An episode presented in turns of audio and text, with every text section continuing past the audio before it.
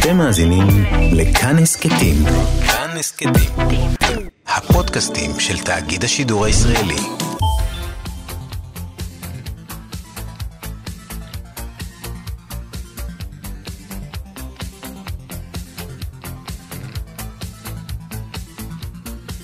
חלון גאווה עם איציק יושע.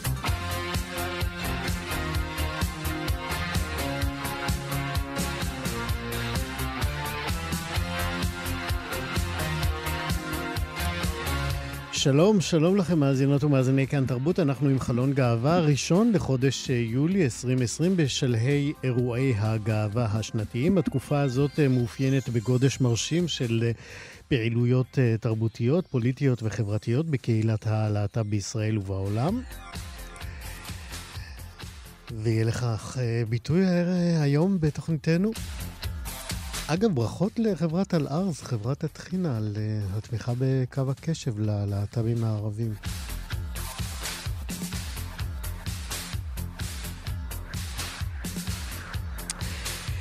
עוד מעט נדבר כאן עם uh, חתן פרס ישראל, הרב uh, פרופסור דניאל שפרבר, שהדהים את הקהילה הדתית בישראל כשפרסם פסק הלכה נגד טיפולי ההמרה.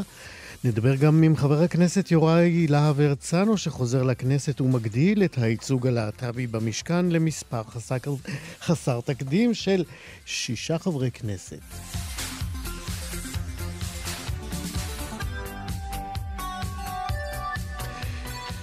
נדבר גם עם אה, חיים ברוידר, ראש עיריית אה, רעננה, על הדירוג של אה, העיר, עירו רעננה, במדד העירוני הגאה. נערך כאן גם את בלום לוטוס, טרנסג'נדרית שתשתתף ביום פתוח לייעוץ רפואי לקהילה הטרנסית, יחד עם מומחית לנישוי הקול.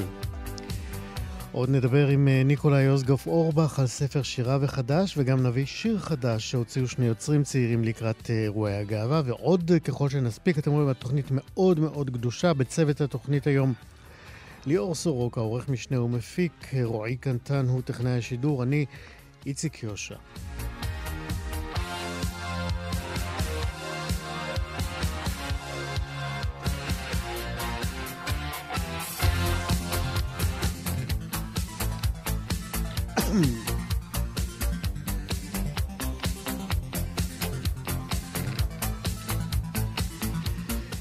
במגבלות הריחוק החברתי שנכפה בעטייה של מגפת הקורונה, אלפי בני אדם השתתפו ביום ראשון השבוע בעצרות גאווה שהתקיימו בירושלים, בתל אביב, בחיפה ובבאר שבע. העצרות נערכו תחת הכותרת "המהפכה לא הושלמה" וציינו 50 שנה למצעד הראשון שצעד בניו יורק ב-1970 בעקבות המהומות שפרצו שנה קודם לכן בפאב סטונוול. שר המשפטים אבי ניסנקורן אמר בעצרת בירושלים כי המאבק של הקהילה הלהט"בית הוא מהחשובים והמוצדקים שיש. ניסנקורן הוסיף ואמר כי זהו מאבק מהותי על שוויון, חירות, סובלנות וקבלה, וזה במקרים רבים גם מאבק על החיים ממש.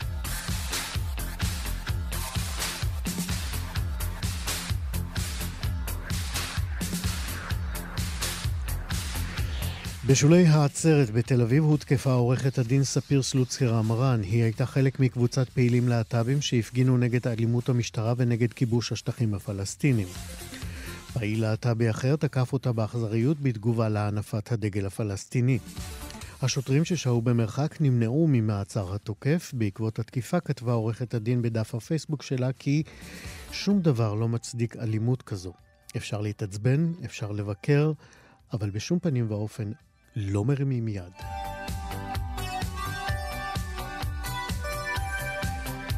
ועדת השרים לענייני חקיקה החליטה השבוע לדחות בחודשיים את הדיון בהצעת החוק של יש עתיד, שנוע... תלם, שנועדה לה...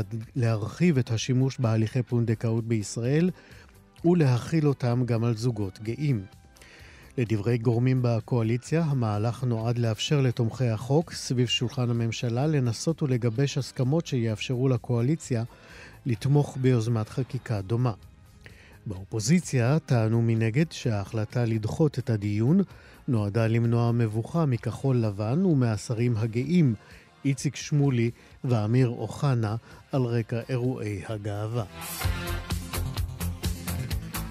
בתוך כך ביש עתיד תלם גם פתחו בקמפיין מחאה על הפניית העורף מצד יושב ראש כחול לבן בני גנץ לחקיקה למען הקהילה הגאה בישראל. במסגרת הקמפיין, ציטוט של גנץ ממערכת הבחירות האחרונה, ובו הוא אומר, אנחנו נתקן את חוק הפונדקאות, נחמיר את הענישה על פשעי שנאה נגד להט"בים ונייסד את ברית הזוגיות. תבדקו אותי. אמר גנץ, אנחנו בודקים אותך, לא קורה כלום. עד כאן חדשות.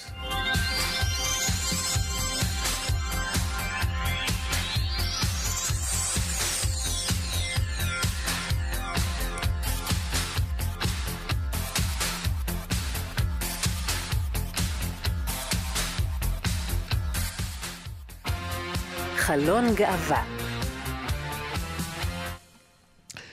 השבוע אה, טולטלה היהדות הדתית כאשר אה, חתן פרס ישראל, הרב הפרופסור דניאל שפרבר, פרסם פסק הלכה שמתנגד נחרצות לטיפולי המרה, שבהם מנסים אה, לשנות נטיות מיניות וזהויות מגדריות של להט"בים. הרב שפרבר הוא חוקר תלמוד ויהדות מאוניברסיטת בר אילן, הוא איש חינוך מוערך וחתן פרס ישראל למדעי היהדות לשנת 1992. פסק ההלכה הזה של הרב שפרבר בא לעולם בתגובה לשאלה שהופנתה אליו על ידי האגודה הישראלית לטיפול מיני, ועליה חתום הדוקטור דן שרון, יושב ראש ועדת האתיקה של האגודה. בפסק ההלכה שלו, המפורט מאוד, יש לומר, קבע הרב שפרבר חד משמעית כי הטיפול כרוך בסכנות ואין בו תועלת. הוא עלול לגרום לסבל רב, פיזי ופסיכולוגי, אפילו ארוך טווח עם תוצאות של נזק חמור. שלום לרב פרופסור דניאל שפרבר. שלום לך. הצלחת לטלטל את הספינה. אם כן, אני שמח מאוד.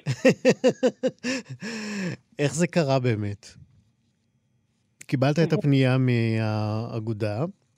כן, קיבלתי את הפנייה מהאגודה. אני מוכרח להגיד שאחר כך שאלו אותי על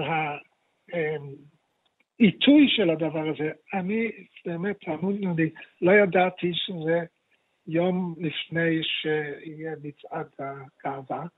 לא, אין מצעדים, היו הצהרות, אבל כן, זה חודש הגאווה, כן.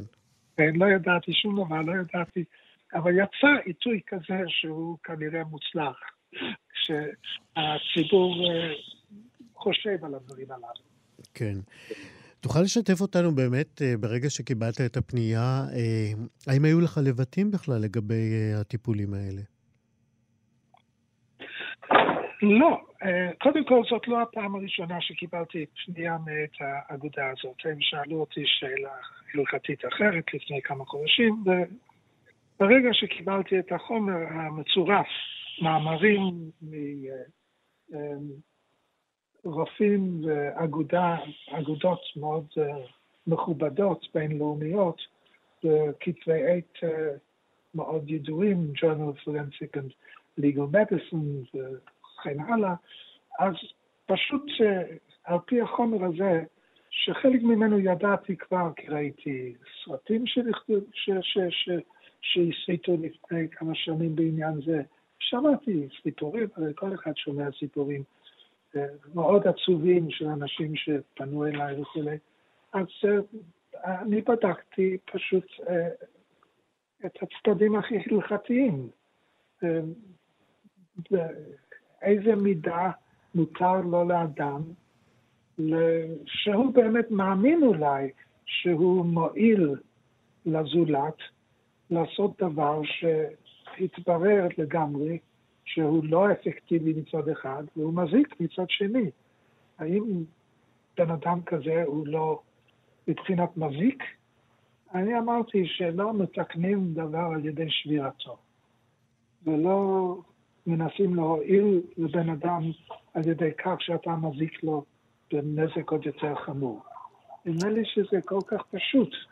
זה, זה פשוט, אבל uh, כנראה מאוד מאוד מורכב, כי אתה יודע, אני אנסה כאן uh, לטעון איזו טענה נגד. תוכל uh, להגיד באותה מידה גם שכל דרך uh, uh, חינוכית, למשל, שמפעילים uh, הורים בעלי השקפת עולם מסוימת, היא שבירת אה, זהותו, מהותו של הילד, לטובת אה, האג'נדה החינוכית של ההורים.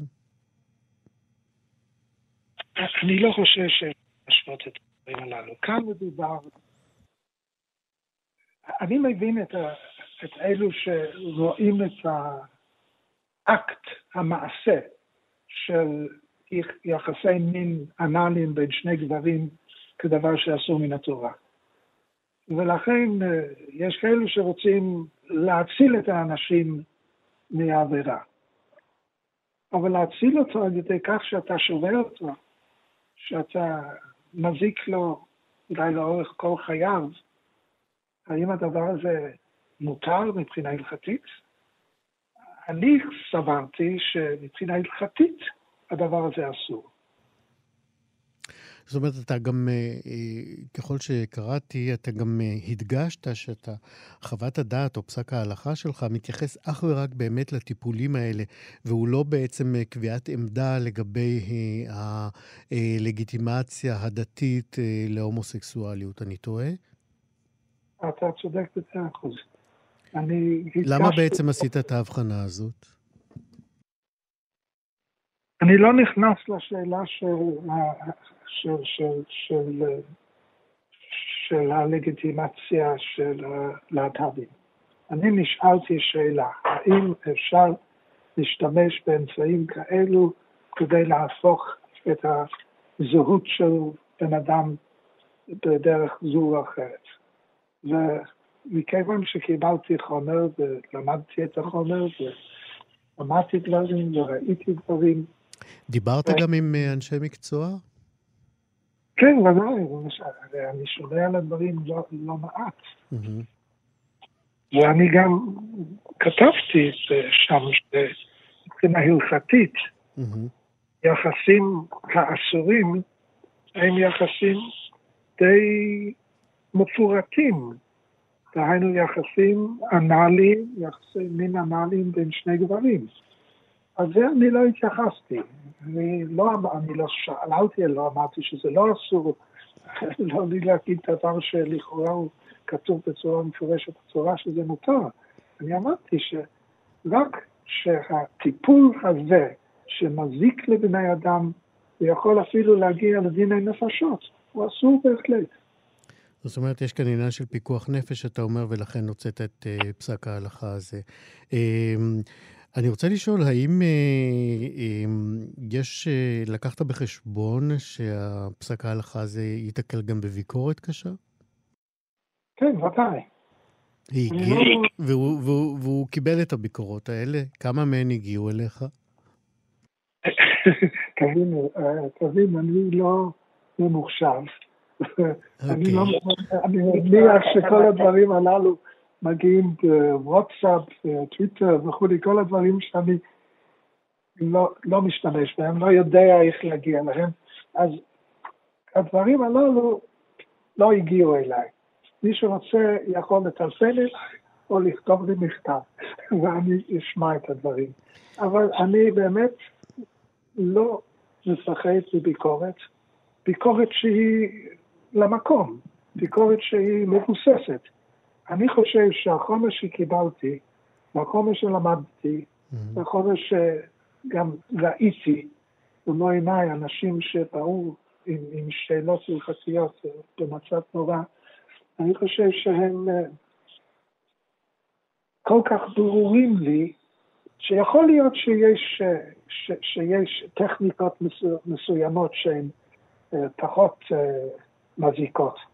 אבל באופן כללי הטיפול הזה הוא טיפול שיש בו, שהוא מוגדר גם בחוץ לארץ כטורצ'ר, כעינוי, ולכן הוא אסור בארצות הברית, הוא אסור בארצות אה, אירופה. לא בכל ארצות הברית, אבל חלק כן. אה, איך, אני רוצה לשאול אותך שאלה קצת אישית, איך, איך היו התגובות בבית לפסק הלכה הזה? כולם ככה. מה? כולם, כולם חושבים שעשיתי דבר גדול וחשוב. כן. נספר רק למי שלא יודע שבתך אביגיל היא אה, ממקימות הארגון, אה, ארגון הנשים הלסביות אה, בת קול. רק כדי שתבין שלא ממנה יצא העניין הזה. לא, לא, ברור לי, ברור לי לגמרי, זה רק נותן למאזינים שלנו את הקונטקסט הבאמת מרגש של הפסק ההלכה הזה שאתה בחרת לפרסם. אתה אומר לא בעיתוי שחשבת, אבל זה יצא בעיתוי טוב. הרב דניאל שפרבר, חתן פרס ישראל, חוקר תלמוד ויהדות מאוניברסיטת בר אילן, פסק הלכה באמת מרגש נגד טיפולי המרה. תודה רבה שדיברת איתנו. להתראות. חלון גאווה.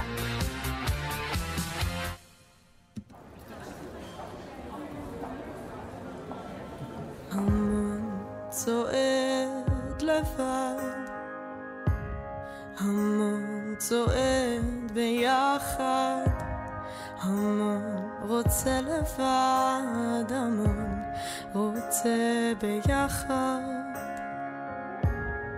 אבל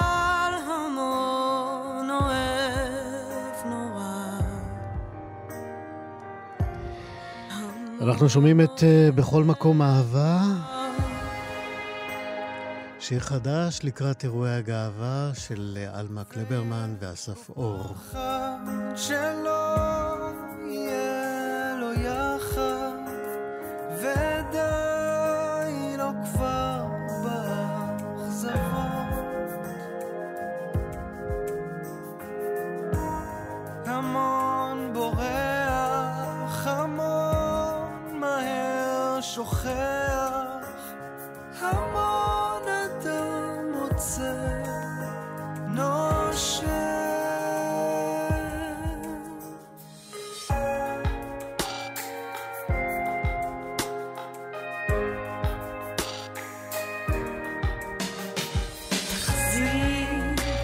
את היד, תלטף לו את הגב.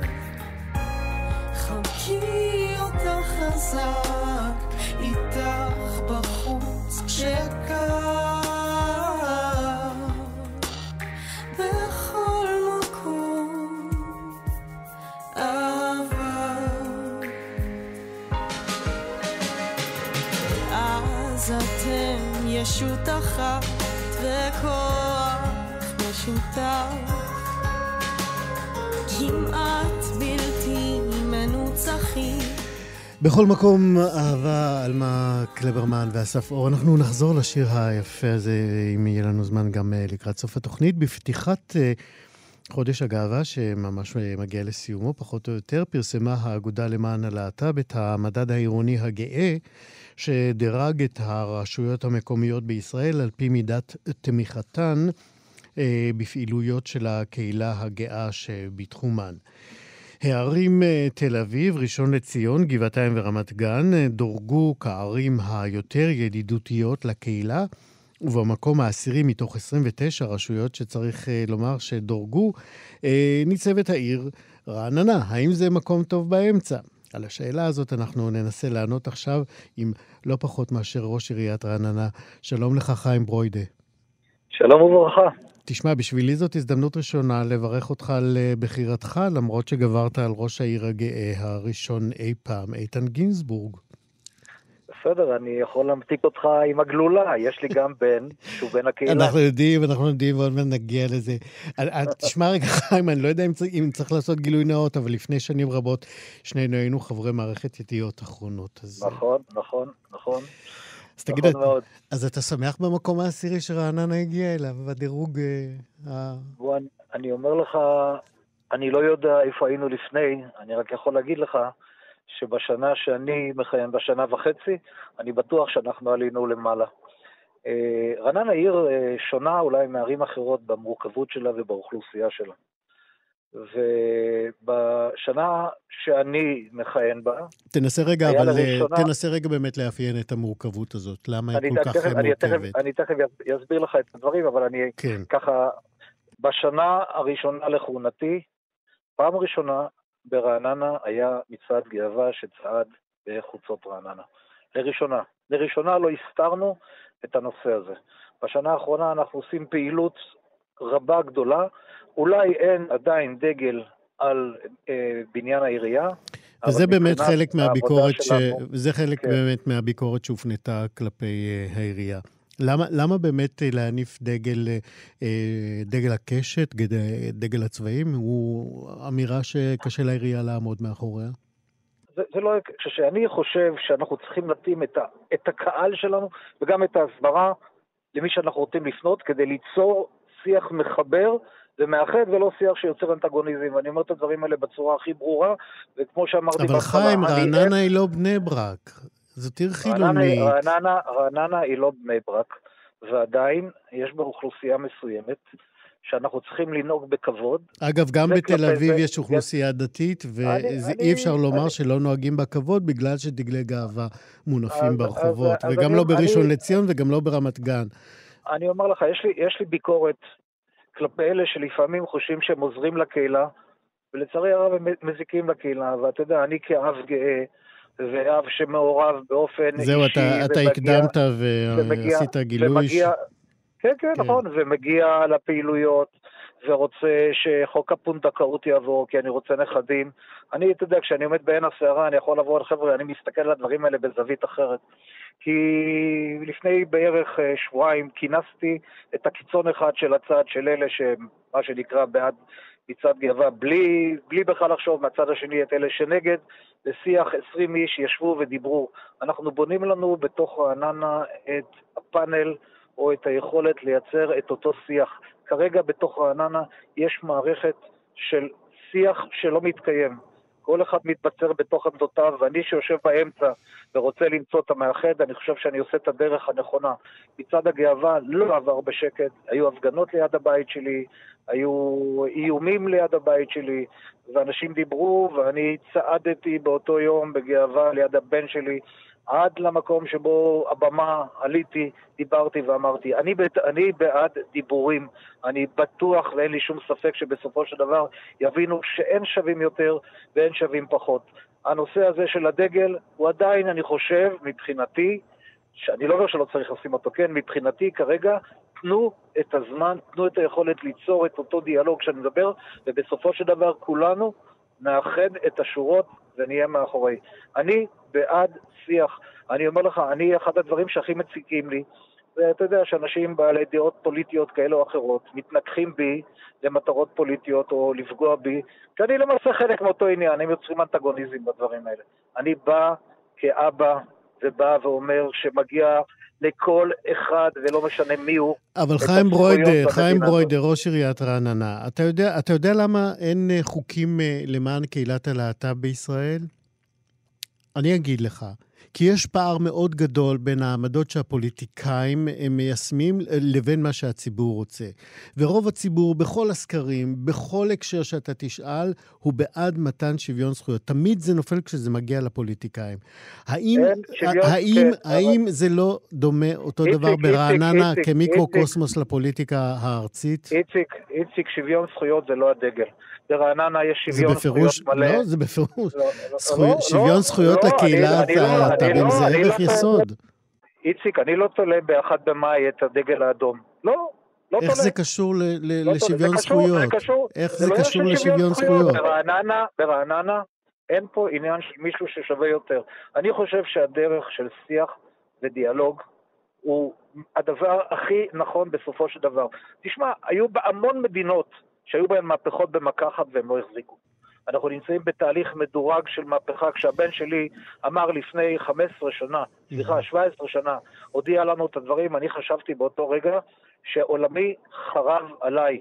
עולמי חרב עליי כי לא הבנתי כמה החברה באותה תקופה כבר קיבלה את האנשים האלה. ולכן היום אנחנו נמצאים במציאות של מהפכה האנשים האלה זה שהולכת- זה הומואים, לסביות, טרנסים ובי, הם כן, לגמרי. ככה, ככה, ככה התייחסו באותה תקופה. אם אני הלכתי ברחוב שנה שעברה ומישהי צעקה לי, למה אתה מביא לפה חזירים? אז אמרתי לה, את מדברת גם על הבן שלי בדברים כאלה, ואחר כך התנצלה, היא לא ידעה מה לעשות.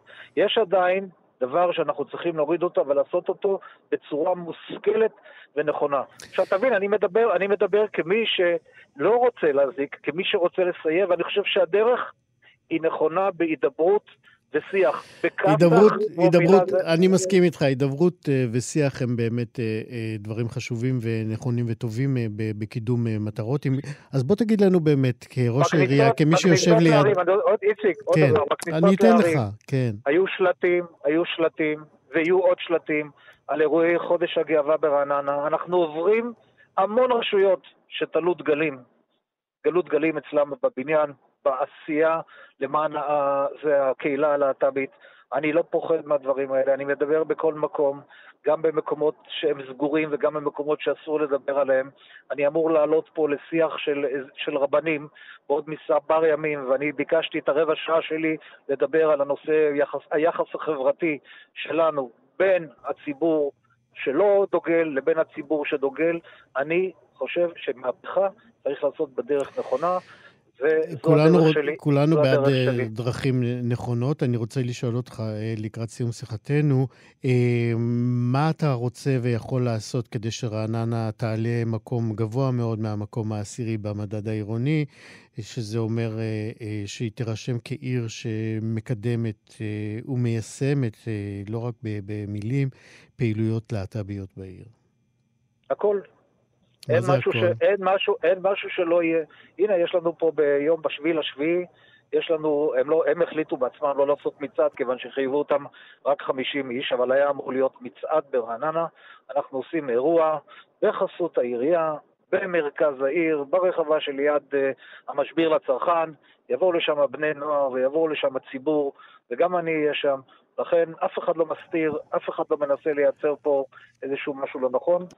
והמטרה היא אך ורק לקבל את חברי הקהילה כשווים, בני שווים, ותאמין לי, ברעננה אין אחד מחברי הקהילה שמרגיש שהוא לא שווה. חיים ברוידה, אני מאמין אה, ורוצה להאמין, ומכיוון שאני מכיר אותך קצת, אני יודע שהלב שלך במקום הנכון. אה, אנחנו ניפגש כאן בשנה הבאה עם המדד הגאה העירוני החדש, ואני מקווה שרעננה תעלה הרבה מעבר למקום העשירי. בכיף, מאה אחוז. חיים ברוידה, בהצלחה. תודה איציק, תודה גם. לך, ביי ביי. להתראות, ביי ביי. חלון גאווה. עכשיו, על פי הערכות של חוקרים אה, מהארץ ומהעולם, אה, הקהילה הטרנסג'נדרית בישראל מונה, אפשר אה, לומר על פי אותן הערכות, למעלה מ-50 אלף בני אדם. עוד עולה מפרסומים שונים כי מדי שנה חלה צמיחה במספר המצטרפים אה, לקהילה עם אה, העמקת המודעות אה, להיותה קבוצה בתוך קהילת הלהט"ב. ולרגל חודש הגאווה, המרכז הרפואי ארם באסותא החליט לקיים את יום הקהילה הטרנסית, והוא יתקיים מחר, משעות הצהריים. במסגרת היום הזה, בנות ובני הקהילה מוזמנים אה, לפגישות ייעוץ במרפאה להתאמה המגדרית ולמעגל שיח פתוח אה, בנושא ניתוח תחתון. אנחנו אומרים עכשיו שלום לדוקטור חגית שופל חבקוק. שלום. שלום. את מומחית ברפואת אף אוזן גרון ומיתרי הקול, נכון. ואת, אה, צריך לומר, עובדת במרכז הרם באסותא רמת החייל וגם במרכז הרפואי רבין. אמת. אני רוצה לשאול אותך, התאמה המגדרית מתפרסת על אה, כמה וכמה אזורים בגוף, אה, בכל החלק הגופני, כמובן, אנחנו לא נתייחס פה עכשיו לחלקים הרגשיים, פסיכולוגיים. אה, והיום איתך אנחנו נדבר על נישוי הקול בקרב טרנסג'נדרים. זאת אומרת, הפיכתו של הקול, של מיתרי הקול, לקול נשי אצל מי שעושים את המעבר ממגדר זכר למגדר נקבה. אולי נתחיל באמת, אה, קודם כל ספרי לנו על מיתרי הקול, איך הם פועלים בכלל? אוקיי. אז קודם כל תודה שהזמנת אותי להתארח. אז כך, אה, ראשית, כמו שאמרת, אני רופאת אף אוזן גרון, שהמומחיות שלי היא מיתרי קול, וה, והנגיעה שלי בתחום של התאמה מגדר- מגדרית בשני נושאים, בנושא של נישוי קול, וגם בנושא של ניתוח- ניתוחי גרוגרת, גרגרת. כי בעצם רבים מאיתנו לא יודעים, אבל מיתרי הקול נמצאים בתוך הסחוס ששם יושב, נמצאת, נמצא האדם זה אפל, הגרגרת. אה, למעשה... לא הבנתי, מיתרי הקול נמצאים באזור שצמוד לגרוגרת? ממש שם, בתוך זה, זה סחוס שהוא בעצם שומר על מיתרי הקול. בתוך הסחוס הזה נמצאים מיתרי הקול. האזור הזה כולו למעשה גם מיתרי הקול, גם הגרון, גם הסחוס שעוטף אותו ושם נמצאת הגוגרת, כל זה זה בעצם הגרון שלנו, שאנשים לא יודעים אבל הוא נחשב לאיבר מין, איבר מין משני. הוא מגיב להורמוני מין, הוא משתנה עם חשיפה להורמוני מין שונים. והדוגמה הכי פשוטה והכי בסיסית, כשנערים מתבגרים נחשפים בפעם הראשונה להורמון הגברי טסטוסטרון, קורה להם, קורים דברים פשוטים כמו אה, שינוי, שינוי במיתרי הקול, כן. כן, הכל מתחלף, הכל מתחלף, והגרגרת יוצאת החוצה, מתחילה להתבלט. כל הסחוסים משתנים, המיתרים משנים את הגודל שלהם, הם עבים יותר, ואנחנו יודעים שיש הבדלים בקול בין אישה לבין גבר. אה, הדבר הכי בסיסי שאנחנו יודעים זה שקול של אישה הוא דק יותר מקול של גבר. זה אומר שהמיתרים של גבר... שלה קצרים יותר? בדיוק. אז יש הבדלים אנטומיים אמיתיים בין מיתרי קול של אישה לבין מיתרי קול של גבר, והם באים לידי ביטוי בטווח של התדירויות, בעצם לטווח הצלילים שהמיתרים יכולים להפיק. טווח הצלילים הנשיים הוא גבוה יותר, מטווח הצלילים הגבריים שמיתרי קול יכולים, גברים יכולים להפיק. אז מה עושים אה, בתהליך הנישוי של המיתרים?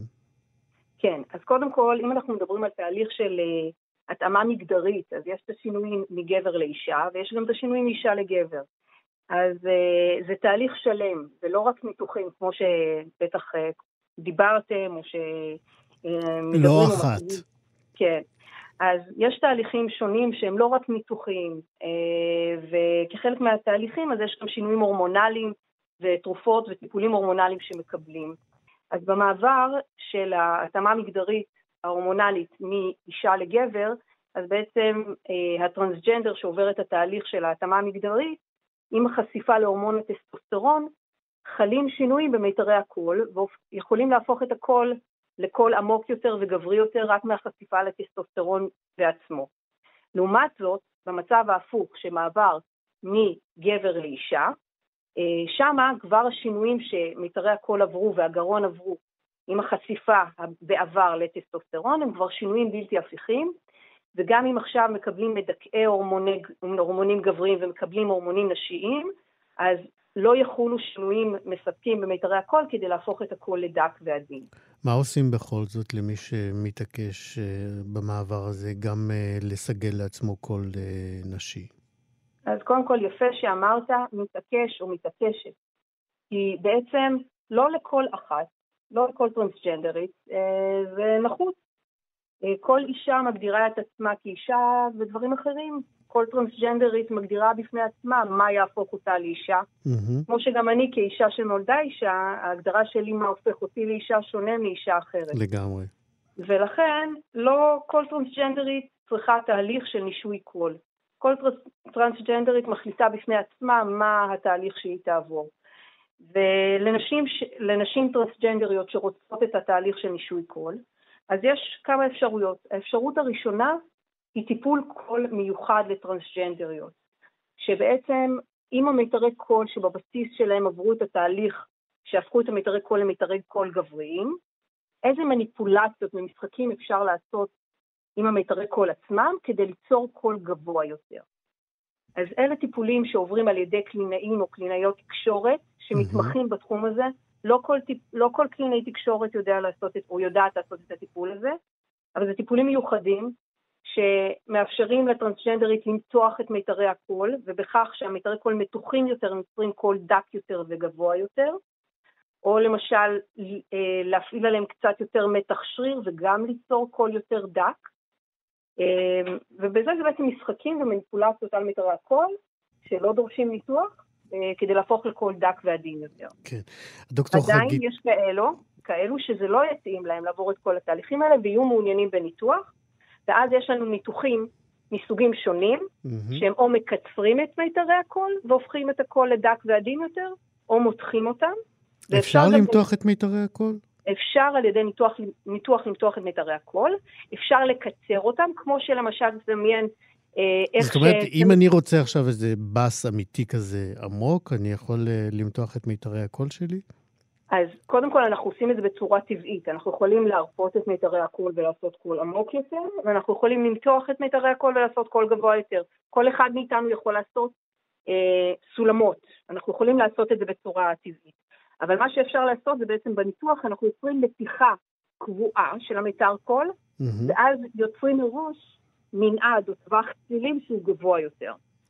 אה, ואפשר לעשות את זה על ידי ניתוחים שמשלבים גם ביחד, תוך כדי אותו ניתוח, כי זה אותו איבר, גם ניתוחי גרגרת ביחד, גם, כן. מתיח, גם מישוי של הקול וגם... דוקטור מישוי חגית של- שופל, אנחנו, אה, זה באמת מרתק. אני רוצה כן. פשוט אה, לצרף לשיחה שלנו את בלום לוטוס. שלום בלום. שלום, שלום. את טרנסג'נדרית בת 20, נכון? אה, כן, ועברת לפני אה, כמעט שבועיים את הניתוח להשטחת הגרוגרת אה, כן, אצל נכון. פרופסור אבי חפץ. כן. זה היה הניתוח הראשון שלך בתהליך של ההתאמה המגדרית, נכון? כן, ובחרתי לעשות את זה בצורה הזאת, שבצורה כאילו אנדוסקופית, שזה להיכנס דרך השפה, בשביל למנוע סכנות חיצונית שיראו אותה, וזה כאילו, זה היה מאוד חשוב לי גם, שזה מאוד הפריע לי, והרבה שנים, כבר מגיל קטן כל הזמן, זה משהו ש, שהפריע לי, וסוף סוף כבר עשיתי. פחדת? אה, פחדתי בעיקר מהחלק של ההרדמה, האמת, פחות מלא מפריע לי בכלל, אה, כאילו, הניתוח עצמו, כי כל כך רציתי את זה, שלא ראיתי בעיניים, פשוט אמרתי, מצידי אם הייתי יכולה, הייתי עושה את זה כאילו מעכשיו לעכשיו, אבל זה, זה לא הפחיד אותי בכלל, לא הפחיד אותי בכלל. כן.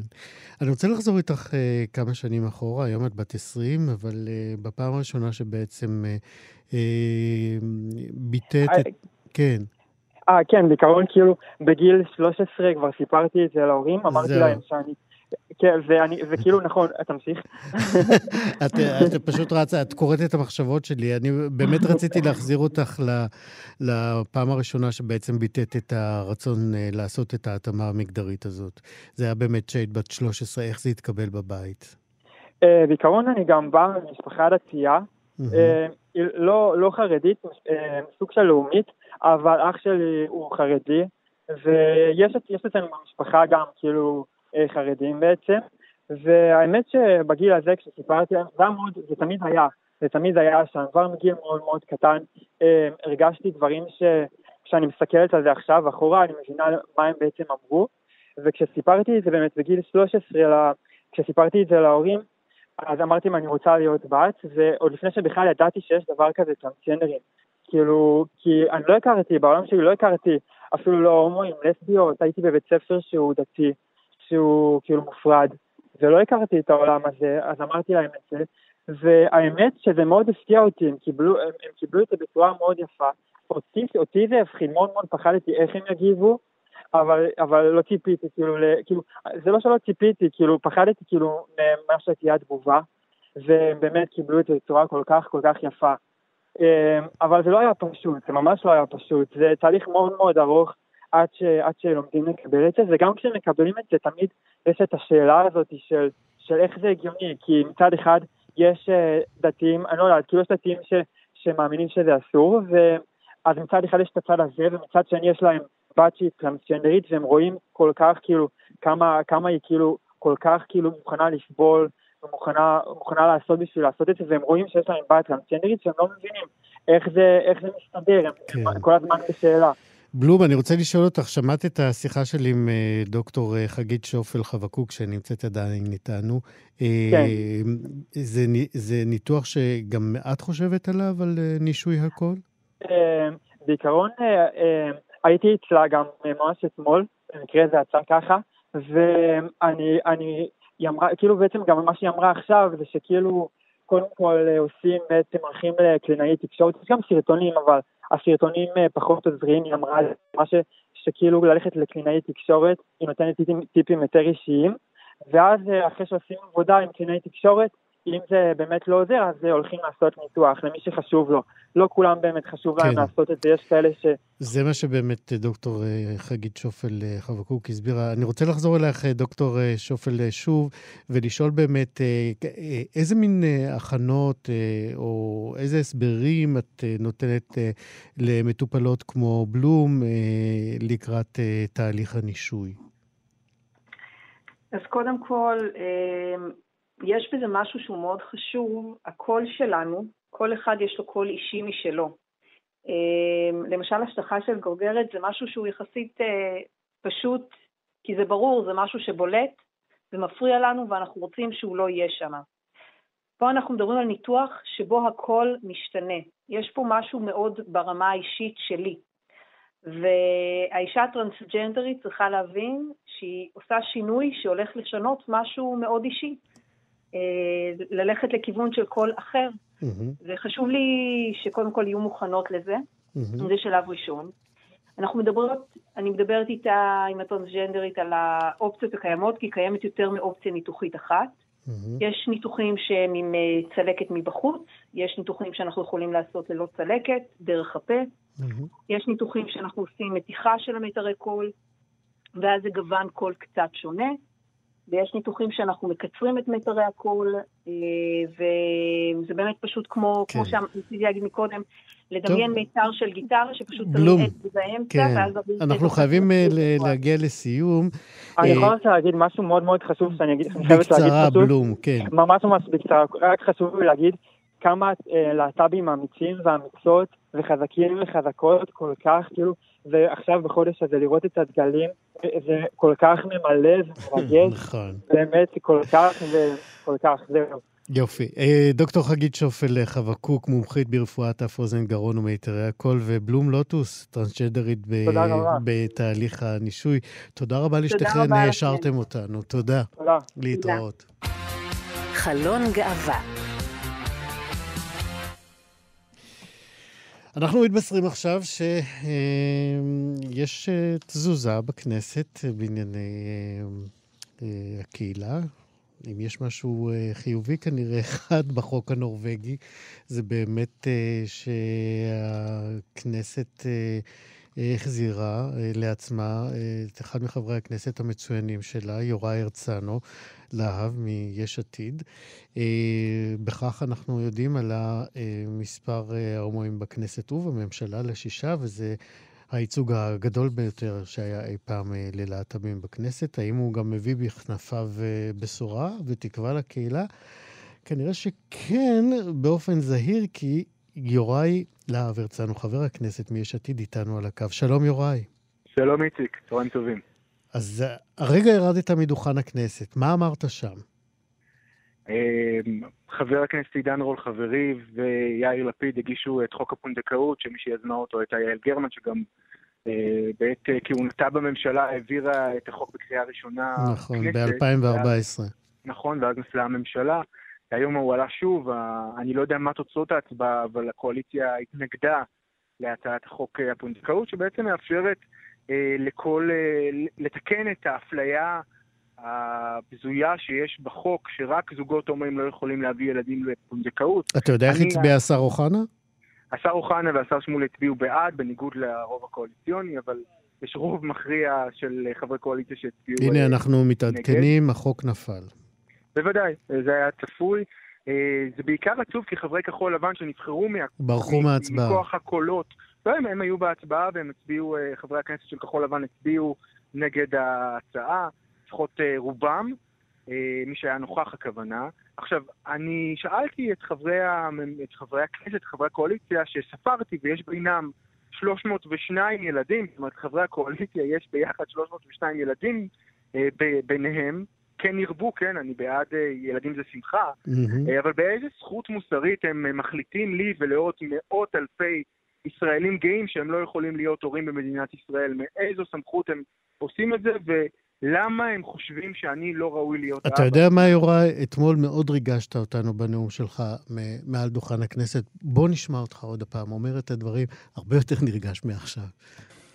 לצערי, גברתי היושבת-ראש, חלקים גדולים בבית הזה, יותר מדי גדולים אם יורשה לי, חושבים שחברי הקהילה הגאה בישראל לא שווים להם, שאנחנו לא אזרחים שווים, או שווים פחות. ואני שואל אתכם, למה אתם חושבים שאני לא ראוי להיות אבא במדינת ישראל? אני שואל אותך, כבוד השר דודי אמסלם, למה אתה חושב שאני לא ראוי להיות אבא? למה אתם מונעים ממני ומעוד מאות אלפי ישראלים מלהפוך להיות הורים במדינה רק בגלל נטיית הלב שלנו? למה אתם מתייחסים אלינו בתור אזרחים פגומים? אנחנו נבראנו בצלם בדיוק כמוכם. אין לנו חצי מיליון שקל להביא ילדים לפאצי ולי. פאצי כותב דוקטורט בפיזיקה באוניברסיטת תל אביב, ואני שירתי כל חיי במשרות ציבוריות. אנחנו גרים בדירה שכורה, ופשוט אין לנו, אין לנו את ההון הדרוש להביא ילדים. חבר הכנסת יוראי אה, להב הרצנו איתנו על הקו, שאתה שומע את עצמך. אה, כמה אתה כועס היום? אה, אני כועס ואני מאוכזב, אתה יודע, מבנימין נתניהו אין לי ציפיות, זאת ממשלתו שלו, שהעבירה את החוק שמסמן ומפלה את הזוגות ההומואים ביכולת להביא ילדים בפונדקאות. אבל דווקא מבני גנץ, שהסתכל לי בלבן של העיניים והבטיח לי שהוא יביא שוויון זכויות לקהילה הגאה, שאני אהפוך להיות אבא ממנו, אני מאוכזב ואני כועס. זה מקומם שקולות הקהילה הגאה הכניסו את כחול לבן בנפ, בנפח שלה, בעוצמה שלה, בכוח שלה, ועם אותם קולות מצביעים עכשיו נגד uh, הזכויות של, של אותם חברי קהילה.